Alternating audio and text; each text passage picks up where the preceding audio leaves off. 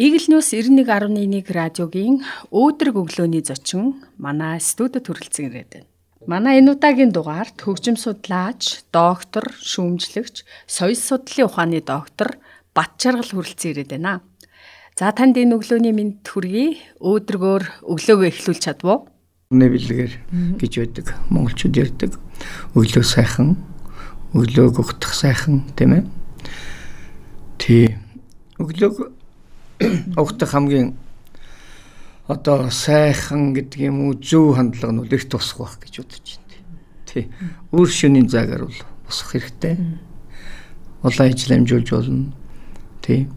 Би бол аль болохоор тэр тусаж бас нэг э, бодол санаа бичих зүйлээ зэгцлэх юм дуртай. Өглөөний цайнаас өмнө тий. Аа бусдыгаа бас бос жөндийнхээс өмнө тий. Ийм онцлог бий. Тий. Тий. За тэгээд ер нь яг одоо өөдрөг гэдэг дээрээ хойлоо ингээд огтож ярихад яг өөдрөг хүмүүстэй ер нь гудамж талбайд ер нь хэрэг таарж байна. Манай монголчууд маань таа чин бас одоо сая Америкт байж байгаа тэрлээ бас тийм ээ амьдарч байж Америкт ер нь юу хийж байгаа тэр хойлоо энэ талаараа бас задлж ярина. А Монголд одоо жишээлбэл гудамж талбай энэ тэнд одоо ер нь өөдрөг хүмүүстэй хэрэг таарч. Тэгээ өөдрөг хүмүүстэй таарна даа. Ялангуяа одоо залуу үеийнхэнтэй бол их таардаг. Тийм. Би бодлоо одоогор бол Монгол Улсын консерваторт бол хичээл заадаг. Тэгэхээр залуу үеийг харах, өсвөр залуу үетэйгээ ярих хөөрөхөд бол өөдрөг бол төөнж өгдөг. Тий. Тэгэхээр тэрнээс бол их сайхан эерэг энерги авдаг. Ирээдүйд тэмүүлсэн их зүйлийг мэдээ гэсэн яг байдаг байдаг. Хүн болгонд өөрийн бас нэг гэрийн ёс заншил гэдэг юм уу тийм юм байх л даа тий. Зарим хүн ч нөгөө зүү хөл дээрээ босчиж, буруу хөл дээрээ босчиж идэр гэж ярьдаг шүү дээ тийм. Тэгэхээр аль хөл дээрээ гიშгэж босхоос эхлэх байх л та бодвол тийм. Тэгэхээр надад нэг нарийн тогтсон юм бол юу байх вэ? Ерөнхийдөө бол өнөөдөр аль болохоор эрт босоод өнөөдөр би юу амжуулах ёстой вэ? Юу хийх ёстой вэ тийм ээ? Ерөнхий төлөвлөх. Тийм. Ялангуяа өөрөөр эрт бол бас мэрэгэн санаанууд их орж ирдэг шүү дээ тийм. Одоо нэг бодож бичих гэж юм эсвэл төлөвлөж ирсэн зүйл гацсан үед гинтхэн тэр төгжээ мултрах тийм агшнууд бол тохиолддог үүрээр ялангуяа эрт тэгж таардаг. Тий. Тэрийг одоо онгод гэдэг ч биш магадгүй юм тийм ээ. Тий. Тий. Тэгээд э, яг тогтсон заншил юу ах вэ? Тий. Ерөнхийдөө бол мэдээж хэрэг баг зэрэг одоо мөч үеинүүдийн чилээ гарах хэрэгтэй тийм ээ. Хуучин цагт бол бид нар бас сайхан дасгалуудыг хийдэг үлээ дээ. Бүх нийтээрээ тийм ээ. Тэрний үлдэгдэл тэр юм бол бас байна байна тий. Тэгээд л юу юуг л нэх кофе цай чанахаас өмнө ерөөсөө бодол юм ал зэгцлэхийг боддог тий. Тэгээ өөдрөг байх ер нь бол өөдрөг бодлоос бас эхэлдэг болов гэж би бас боддог. Тэгин тэгин тэгин тэгин. Тийм ээ. Тийм заримдаа бол яг хүн чинь оройд үдэш унтахын өмнө бол одоо уншсан үдсэн харсан зүйлээрээ бас шинжин нойронд тэнд хумбаж тэгж өнждөг юм шиг байгаа юм тийм. Аа тэгтээ өглөө бол бүх юм шинээр одоо арчсан толимт гэдэг шиг тийм ээ бүгдийг шинээр эхэлж болох шинээр шийдэж болох тийм ээ тийм сайхан одоо үе шүү бэлэг юм. Тийм ээ өглөө бол бас нэг бэлэг юм да тийм ээ биднэрт бас өгж байгаа. Та амьд сэрлээ шүү. Амьдралыг бас амтлаарэ гэдэг бас нэг сайхан бэлэг одоо яг хан үндэстэн гэдэг юм уу хятад үндэстэн Монгол үндэстэн хүмүүсийн нэг онцлог одоо энэтэй холбоотой заншил би зүгээр ардын үг гэх юм уу да тий. Монголчууд өглөө сэрхээ мэдэж хоолоо дутуу өдөж өрхдөг гэж тийм аяганда тагшинда одоо үлдээдэг. Юу гэхээр өглөө босоод халуун цай хийж идэндээ гэж тийм ээ. А тэгэхээр хятад хүн тэгж боддог бай. Маргааш босооч юу гэж гэж. Тэгэхээр энэ яг зүгээр ёс заншил тий. Одоо гүн ухаан ч гэдэг. Тийм үү. Тийм ээ. Тэгээ одоо сая Америкт байж байгаад ирлээ гэж ямар ажил Тий, Америкт байсан. За анх бол 2005 онд би дэлхийн хөгжмийн одоо форум а ЮНЕСКОгийн дэрэгдэх олон улсын хөгжмийн зөвлөлийн ээлжид конгресст Монголд төлөөлж ажилласан. Тэр үед би Монголын хөгжим зөвлөлт холбооны судлал шүүмжил эрхэлсэн нарийн бичиг даргын алба хийж байсан. Одоо сонгуульд ажиллаж шүү дээ. Тэр үед бол манай холбооны ерөнхийлөгч маань бол Урдын гавьс төлтөн гадангийн алтан хуйг гэж одоо багш маань байсан. Тэгээд тэр конгресст намайг явах нь зүйтэйгээд өөрийнх нь бол зардал бүх юм бол шийдэгдэх шигснээр дэлхийн олон хүмүүстэй уулзрах, дэлхийн зэндаанд ярих, өөрөх, сэтгэх ийм боломжтой болсон Будын кинон дээр харддагтай бол адил үү. Тий. Тэр бол гойчилсан хэлбэр нь. Голливуудын кино бол аа жинхэнэ ах амьдрал бол үнэн байдаг, хатуу байдаг, гашуун байдаг.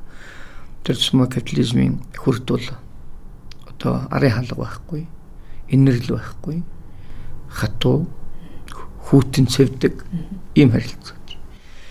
Энийг бол ихэн очсон ялангуяа социалист лагерын орнуудаас очсон хүмүүсийн ихэн үедээ бол ерөөсөд давж дийлдэггүй. Тэр социалист үзэл бодол нь бол бариад ерөөс амжилтанд хүрэх боломж тэр болгон олгодгүй. А тэрийг эвдэх гэдэг ихний нэг 3 жил 5 жилийн маш том асуудал бий. Сэтгэлийн одоо нэг өөр хэлэх социализм үед тогтцсон одоо үжил бодлоо эвдэж капиталист харилцаанд шилжих гэдэг бол сэтгэл зүйн маш том дарамт. Энэ бол бие биедрийн гэхээс сэтгэл зүйн маш том тэмцэл хүн өөрөө өөртөө тэмцэх тэмцэл болж явдаг. Энийг олон хүмүүс бол давж чаддаггүй юм. Социализмоос очсон хүмүүс. Аа маш өндөр шалгуурын дараа бол давтдаг. А давсны дараа бол тэр капитализм бол усын уул ёсын даг гэдэг шиг нэгэн ёсын дагаад эхлэхэд бол харь хишгэ харамгүй өгдөг. Ийм л нэг юм гэж ойлгосон тийм. Тэгээд капитализмын бүтээн байгуулалт Америк орны цэцэглэлт төвжөлтөд бол хувь нэмрээ оруулсан. Ямар нэг юм. За тэнд яг одоо ямар албаа одоо эрхэлж байв? Яа яг одоо тэр хооронд юу ямар хөө амьдралыг одоо туулж ирв? Тий яг ихэнх хүмүүс бол ингэдэг л дээ Монголд нэлээд одоо байр суурьтай бас нэг тодорхой хэмжээгээр алдар нэртэй байсан хүмүүс гадаад оронд олон жил болж амьдардаг. Тэнгүүт тэр нэг өмнөх алдар нэр нийгмийн одоо эзлэх байр суурь их саад болж тэрнтэйгээ зөрчилдөж тийм ээ яг тэрэндээ хүрч чадахгүй байх гэж бухимдаж ингэж байдаг л да тийм. Надад бол нэг тийм хүнд асуудал байгаагүй.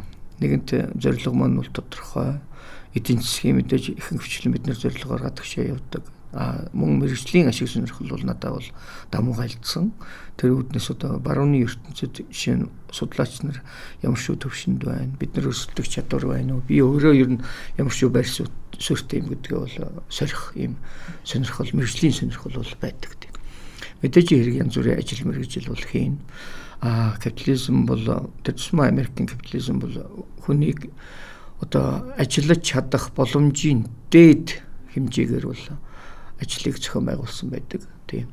Дээр нь бол э, хэрвээ та эрдэмтэн байгаад Нобелийн шагналыг бол танд бол ажил олдохгүй.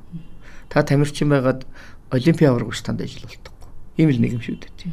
Босго бол асар өндөр гэсэн үг шүү дээ. Дэлхийн хэмжээнд тавигддаг өндөр. Би Нобелийн шагналтай бол аль ч их сургуульд өргөдөж ажиллаж болно. Лекц уншиж болно. Нобелийн шагналыг учраас би бусад цагаачтай ажил адил нойлоос нь хаа хүрдгийг тэр хүртлээ хөдөлмөрлөх хэрэгтэй. Энэ бүгдийг давсан тий. 50 ажил мэргэжил сольсон. Надад бол тэрэнд зүгээр цагаач хүнд бол гайхаад байх юм ерөөсөй байхгүй тий. За 5 6 жилийн дараа бол би өөрийнхөө өссөн ажил мэргэжлийн зах зугаас барьж авсан. Очоод удалгүй жишээ нь анхныхын шүүмжүүдийг би бичсэн. Мэдээж миний шүүмжүүд бол Америк төвлөгдөхгүй ихэн шатандаа бол одоо шавнартай бол зөвлөгөө өгөх нь бакалаврын ч бай, магистрийн ч бай, докторийн төвчний шавнар бол байнга холбоотой байдаг. Тэрийг бол байнга үргэлжлүүлж сэрэрсэн. За дээр нь Америк Монгол судлалын холбоонд бол 2009 оноос бол гишүүнээр илсэн. Тэгэхээр Америк Монгол судлалын гишүүний хувьд бол жил болгон болдог тогтмол Америкийн Монгол судлалын ээлж турлуудад бол оролцож ирсэн. Тэр бол Америкийн нэгдсэн улсын иргэн болон а одоо цагаач гэдэг юм уу тийм ээ? Тэр ялгуурлахгүйгээр Монголыг судалдаг эрдэмтдийг багтаасан тийм сайн дурын олон нийтийн байгууллага байгаа тийм. 1961 онд бол хангины гомжууга бол байгуулсан. Төв нь бол Индианагийн их сургууль Блумингтон гэж хотод бол төвлөрдөг юм байгууллага байгаа тийм. Тэр бол Монгол одоо Америкт байгаа Монгол судлалын гол голомт тийм тэндээс жил тутмын тогтмол эзэмшлэгээний цуврал сэтгүүл гардаг. Монголын судлал гэдэг. Дээр нь улирал тутмын сонин гардаг. Дээр нь эрдэмтэд бол байн хоорондоо холбоотой байдаг. Дээр нь хурлын үеэр шинэ эрдэмтдтэй танилцах, санал бодлоос солилцох бүрэн болцоотой өөрийгөө эрдэм судлалын хүрээнд хөгжүүлэх, мэдээлэл солилцох асар өргөн боломжийг олгодог юм сайхан арга хэмжээ байдаг. Энд бол би нэг 10 удаа оролцсон. Жил болгон бол Америкийн нэр хүндтэй их сургуулиудад бол зохиогддог. Тийм. Шинэ Чикагогийн их сургууль бол дэлхийд эхний 10-д багтдаг их сургууль байгаа. Дөлөв одоо Индианагийн их сургууль байна. Мичиганы их сургууль байна. Цаашлах юм бол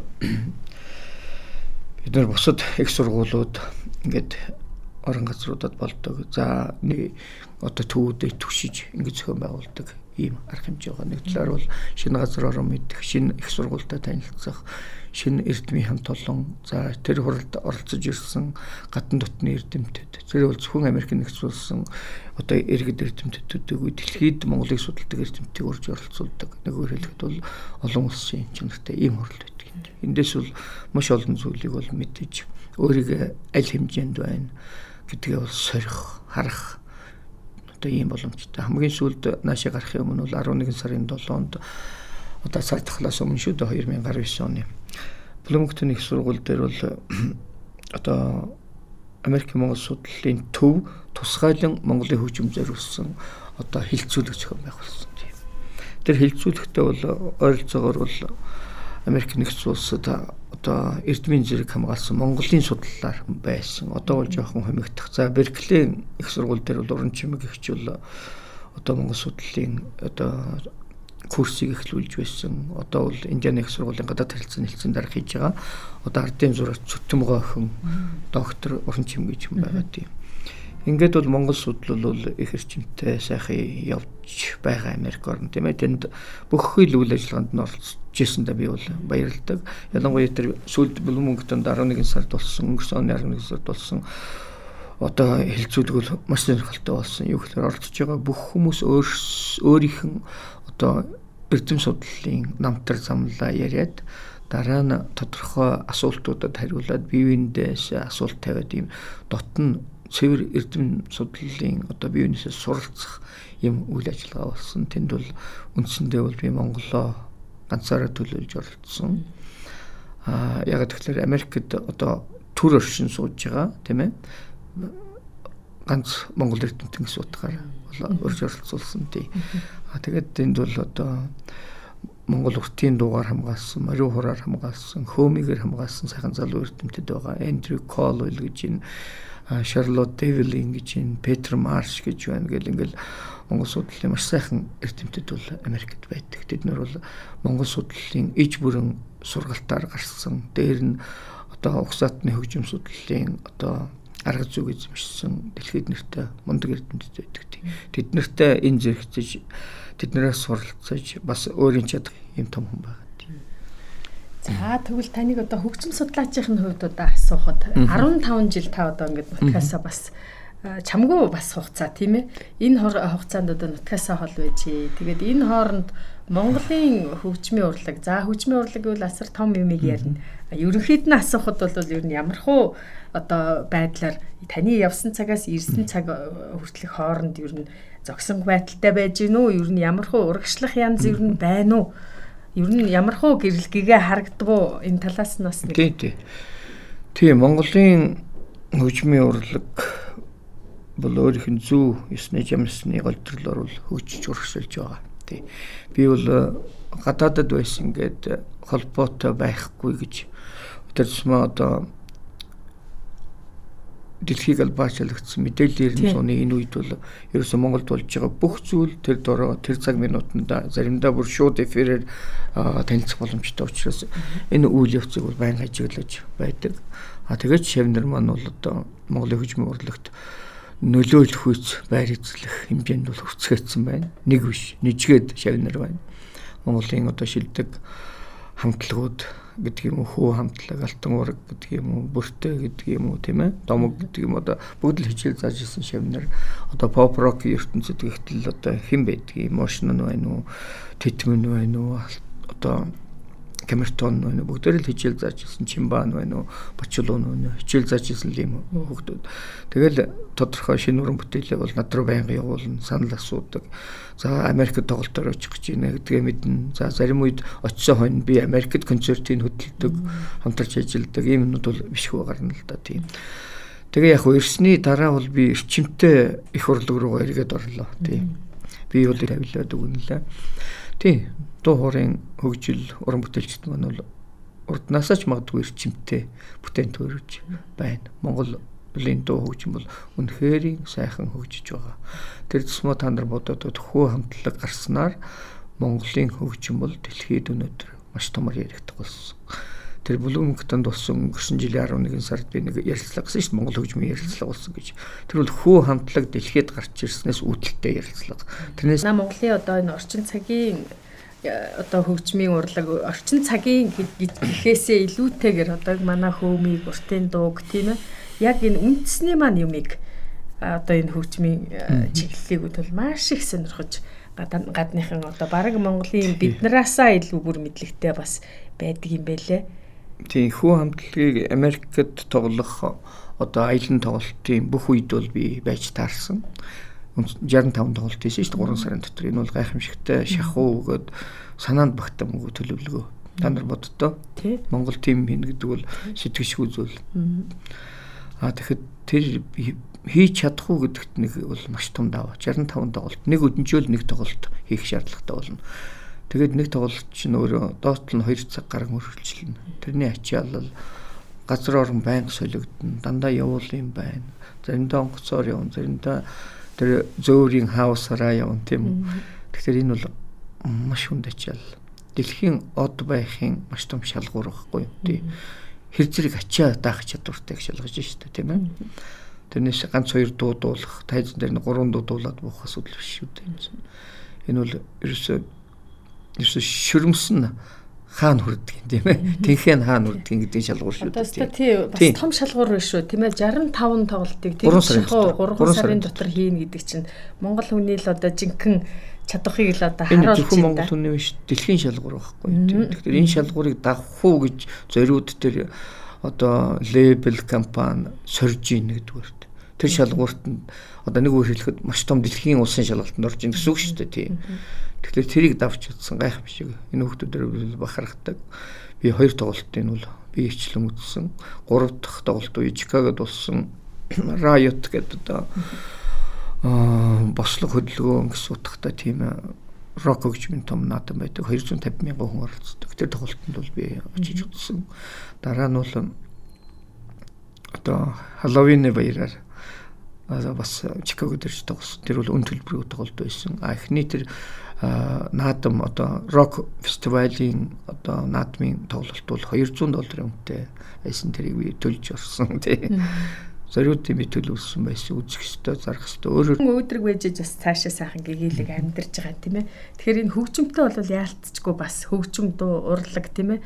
Эдгээрт бол хүний бас нэг өөдрөг амьдрахын бас нэг одоо гол сэжим энд яваад байгаа л да тийм ээ. Тэгэхээр энэ хөгжим судлаачаар ер нь Монголд одоо жишээлбэл танаас өөр одоо хэн байна уу? Тий, хөгжим судлал гэж судлаач гэдэг мэрэгжил байдаг юм л да. Энэ бол Монголд анх үүссэн. Гэтэ бас их түгээмэл биш байгаад байгаа юм тийм ээ. Тийм тийм тийм. Яг уу. Одоо тэр байна энэ байна гэдэг ер нь их бас их ховор сонсогдож байгаа шүү. Тий, анхны үндэсний төгсөлт бол 1969-с 73 онд багшийн их сургууль дээр багшийн дээд сургууль гэдэг байсан тэр үед анхны төгсөлт болсон. Тэр үед бол үндэсний одоо хөгжим судлаач анх удаа Монгол улс бэлдсэн. Аа тэгэхэд бол Дармын Батсүрэн Жамблын Инвш гэж хоёр хүнийг анх бэлдсэн. Тийм. Инвшгоо бол одоо хоёулаа анх Монголын шинцэгийн хөгжмийн түүхийг өвчсөн. Дуунаас дөр хүрсэн замд гэж одоо түүхэн номыг өвсөн. А тэгээд Монголынхан одоо өдөр тутмын хөгжмийн амьдралд оролцох, эрдэм судлалд оролцох За арт түмнийг соён гэгэрүүлэх, тэр тусмаа эрдэм дэлгэрүүлэх, хөгжим судлалын эрдмийг дэлгэх бүхнээсээ зориулсан энэ шгөө өдөрж гисэн төрөвсөр байна. Тий ургуулыг өгөхлөр Чайковскийн анх сурдаг гэсэн Дмитрий Шостаковичийн сурдаг гэсэн Римский Корск гэх мэтлэн Орос зүйлтийн бүхэл сууд хөгжмөн зохиолчдын сурдаг гэсэн тийм тэнхэн байдаг тий. А манай Монголтой холбоотой ямар хүн байна гэхэл Борис Смирнов гэдэг 40 толгой дөөртэй холбоотой хүн байгаа шүү дээ. Тэр хүний бас сурд өгсөн тийм хүн байгаа тий. Тэнд суралцах завшаан гарсан тэнд хамгаалах юм болцоо хөлбөрдүүлсэн. Тэгэхээр багш нарын юм сайхан болцсон. Одоо тун энгийн үгээр хэрвээ та одоо тодорхойлооч юм хөгжмийн урлагийг одоо яг юу гэж өөрийнхөө үгээр одоо хар үгээр чих юм тийм ээ. Одоо юу гэж тодорхойлох вэ? Юу гэж хэлэх вэ? Яг энэ асуултыг надад филармоныхан тавьсан л да. Яасан гэхээр 10 сарын 24 өөр бас 20 байсан баха. Хоёр удаа бид нар Чайковскийн Мендельсний 180 жилээр ойд зориулсан маш том хэмжээний хөгжмийн хөтөлбөрийг бол филармон бэлдээд тэрийг би тайлбартаагаар одоо явуулах юм үргэлжлүүлсэн. Тэгээд тэрний бэлтгэл болгоод бол надаас яг энэ асуултыг тавьсан. Тэгэхээр би бол иймэрхүү хариулт өгсөн хөгжим бол хүний харилцааны түлхүүр юм а гэж. Хүн хоорондын харилцааны түлхүүр юм. Тэгэхээр бид нэр хоёр хүн ингээд зүгээр яриад сууж тийм ээ. Сэтгэлээ солилцъя. Тэр үед намуухан зөөлхөн хөгжим тавих тэр хүмүүсийн харилцааны өнгө аяс хаашаа гэх гэсэн иймэрхүү утгатай юм л да тий. Тэгж би бас одоо бидний одоо өнөөдрийн маань сэдв байж байгаа одоо энэ өөдрөг эерэг одоо энэ байхад тийм ээ хүн бас нэг өнөөдөр нэг жоохон гундуухан ямарваа нэг нэг юмд одоо нэг ажил үүсэнд бүтэхгүй ч юм уу тийм ээ? Яг нэг өөрийнх нь сансны зоргоор биш байгаа үед нэх одоо нэг үг яриагаар биш юм аа нэх сайхан өөрийнхөө дуртай хөгжмийг бас нэг сонсцоод бас нэг сайхан болцоод тийм ээ? Тэгж нэг энерги авдаг бас усууд байгаа гэдэг. Урлагаас угаасаа бол гоос сайхан тэр тусмаа гоос сайхны одоо сүддэгдэх юм бол урлаг шүү дээ. Тэгэхээр урлаг бол хүнийг гэрэлгээгээр тэмүүлэхэд бүтээгдсэн одоо магадгүй бурхны бүтээл тийм ээ. Тийм болохоор урлаг бол үргэлж гэрэлгийгээ үргэлж өөдрөг тийш чангаа нөхөөс хүнийг уруу нь бол чангаадаг. Тийм учраас урлаг нийгэмд хүний амьдралд нийгмийн харилцаанд ямар үүрэгтэй гэхэлэр гэрэлгийгээ нэмэхэд зэрэг амьдралыг улам өнгө бодогтой болох олон өнгөтэй солонгын олон өнгөөр тэгээ одоо шүүмжил шүүмж судлалынхаа одоо үндснээс үзэх юм бол яг өнөөгийн одоо яг манай энэ хөгжмийн урлагийн одоо энэ одоо бас дууны урлаг гэж бас асууж бол өөртөө бас болно тийм ээ. Тэгэхээр яг энийг одоо өнөөгийнх нь энэ төвшингийн яг энэ хүний нүдээр харахад танд одоо яаж харагдаж Тий, манай хөгжмийн яг өнөөгийн амьдралд бол хэд хэдэн тулгымцсан асуудал харагдаж байна. Шийдвэрлэхээр асуудал тийм. Энэ бол өгөө авны асуудал байна. Хэн хинтээ хэдэн төгрөг өгөх юм бэ гэдэг энийг зохицуулах шаардлагатай болсон. Өнөөдөр дуучид бүх мөнгийг авч. Энэ буруу хандлага. Дуучин бол үйлдвэрлэгч биш. Дуучин бол одоо хөгжмийн уран бүтээлийг хийж байгаа хөгжмийн зохиолч бол нэг номер юм. Өмчийн эзэн. Өмчийн эзэн хөрөнгө эзэн байх хэрэгтэй. Энэ дэлхийд угаасаа юм зарчимтай тэрийг дуулж байгаа хүн мөнгө олж болно. Зохиогчийн мөнгийг хангалттай өгөх хэрэгтэй. Нэгдүгээр асуудал. Дараа нь урлаг судлаач шүүмжлэгч буюу хөгжмийн шүүмжлэгтэй бас ажилтаа болох хэрэгтэй. Энэ хоёр чинь хооронд нь хөгжмийн зохиолч, дуучин, үзэгч гурвчийн хооронд нь холбодог хүн ажилтаа цалинтай байх хэрэгтэй. Энэ ажилгүй цалингүй байна шүү дээ. Ингэж болохгүй шүү дээ. Тийм учраас урлагийг дур дураараа үнэлж байна. Нэг дарга өөрийнхөө үзмжээр үнэлж байна Нэг од хүн өөрийнхөө үзмжээр хин нэгийг үнэлж байна.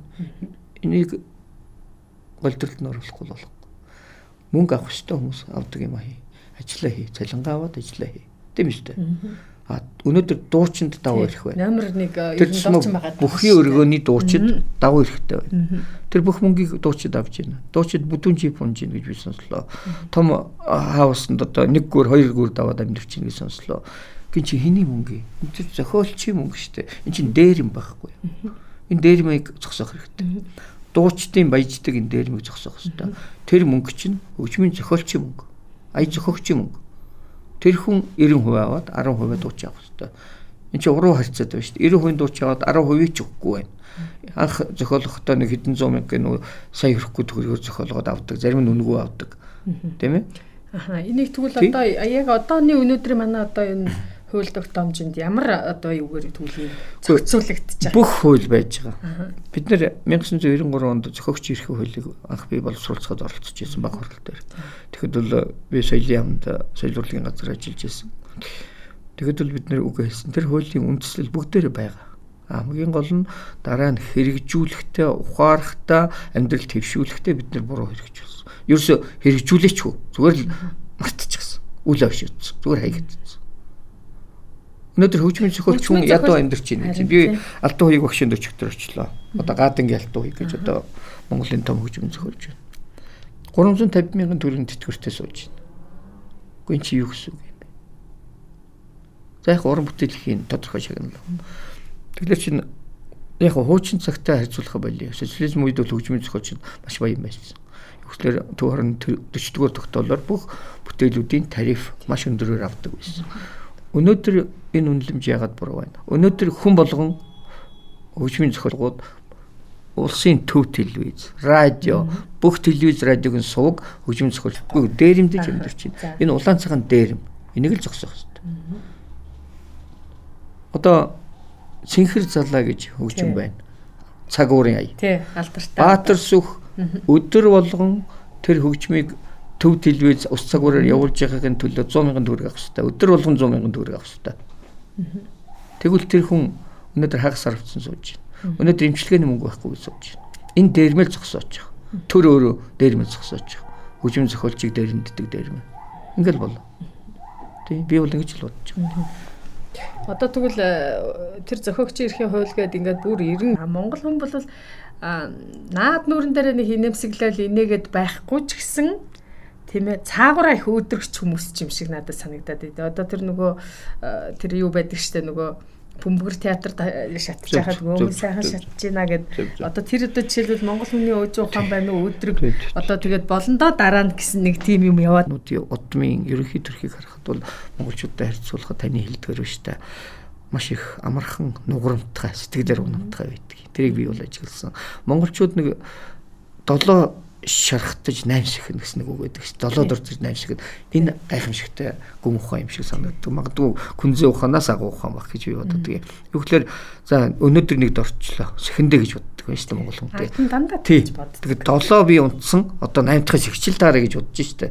Тэгэхэд ихэвчлэн би цагаан арстан одоо Америк иргэдийг ингээ харахад ажилласаа халагдах юм уу нэг жоохон азгүй юм тохиолдоход бол маш их депрессэнд ордог. Депрессэндээс гарч чаддаг маш удаан байдаг. Зарим нь амиа хорлоход төрж яадаг, зарим нь бүр алиа алдахад төрдөг, архинд ордог ийм юмуд ажигладаг. Монголчууд бол нэг унаал босол дахиад тахихыг боддог. Нэг ийм онцлог байгаад байгаа шүү. Тийм юм ажиглагддаг. Таны харсан бол зөв тийм. Энийг бол би бас нэг монгол хүний нэг өөрчлөг байгаа тийм. Тий энэ одоо байгаль цаг ууртайгаа байд юм уу соёл соёлтойгоо холбоотой байна уу? Амьдралын тэр байгалийн хатуу ширүүнтэй тэмцэх хууль одоо тэрний тэмцсээр байгаа тийм байдал төрсэн байж байгаа юм да. Оросууд ч тийм хандлага бай. Оросууд бас их сэтгэлээр унамхаа дээ. Би Оросод 10 жил амьдэрсэн хамт оюутай ах бай найз нөхдөд байна. Тэгэхэд ерөөсөө бас сэтгэлээр их унамтхаа байдаг. Монгол хүмүүс яаж их л маргааш нүндийг л босоод байдаг байхгүй тийм. Альва бэрхшээлийг бол э, бас мартаж чаддаг тийм үү? Давж чаддаг. Одоо мөнгө алдсан үед их ундаг байхад монгол хүн мөнгө за ямар хамаатай нэг удаа алдаал хоёр дахь олж таараа гэдэг ч юм уу. Нэг тийм өвөрмөц юм би тийм. За тэгээд ер нь энэ хотын гудамж талбай за ингээл түүжрэл бүглэрлгээл хүмүүсийг одоо бас бухимдуулах юмнууд бас их байгаад байна. Тийм ээ. Тэгээд одоо энэ бүх бухимдал дээр одоо бухимдаал яваад ахын зөв юм уу? Эсвэл бол одоо энийг одоо э, тодорхой хугацаанд ч гэсэн ер нь яаж даван туулмаар Тийм тийм. Яг гоо эхлээд төвхтэй юм шиг санагдана. Гэхдээ төгжрөл бол миний хувьд нэг тийм том асуудал биш л дээ. Тийм Чикагогод би том хотод амьдарч ирсэн. Төгжрөл бол байнга байдаг. Тийм 1 2 цагаар төгжрөх хэвдэл бол баг дасал байдаг. Тийм учраас төгжрэлтэй үе төгжрөлгүй үе тааруулж ажиллаа зохицуулж явах шаардлагатай болдог. Тийм.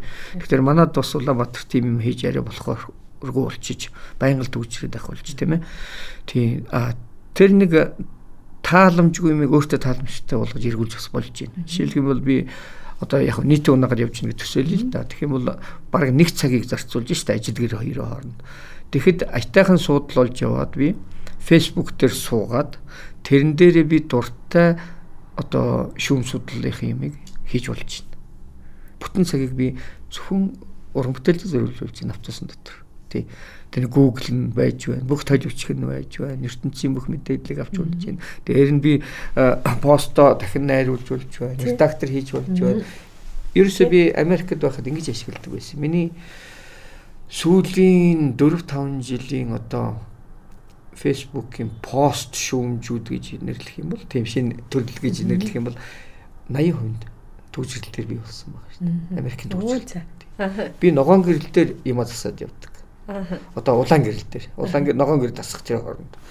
За ямар нэгэн байдлаар төгжрээ зогсож явах үед дахиад засаад явдаг. Маш их цаг байдаг шүү дээ чинь тийм. Тэнд бол би бичвэрийнх нь 80% бичсэн.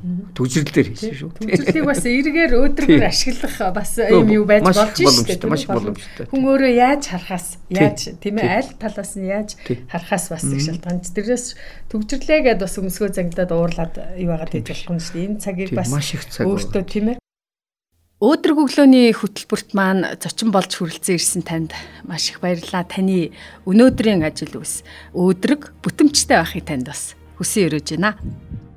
Игэл Ньюс радио 91.1-ийн өөдрөг өглөөний зочноор хөгжим судлаач, доктор, шүүмжлэгч, соёл судлалын ухааны доктор Батчаргал оролцлоо.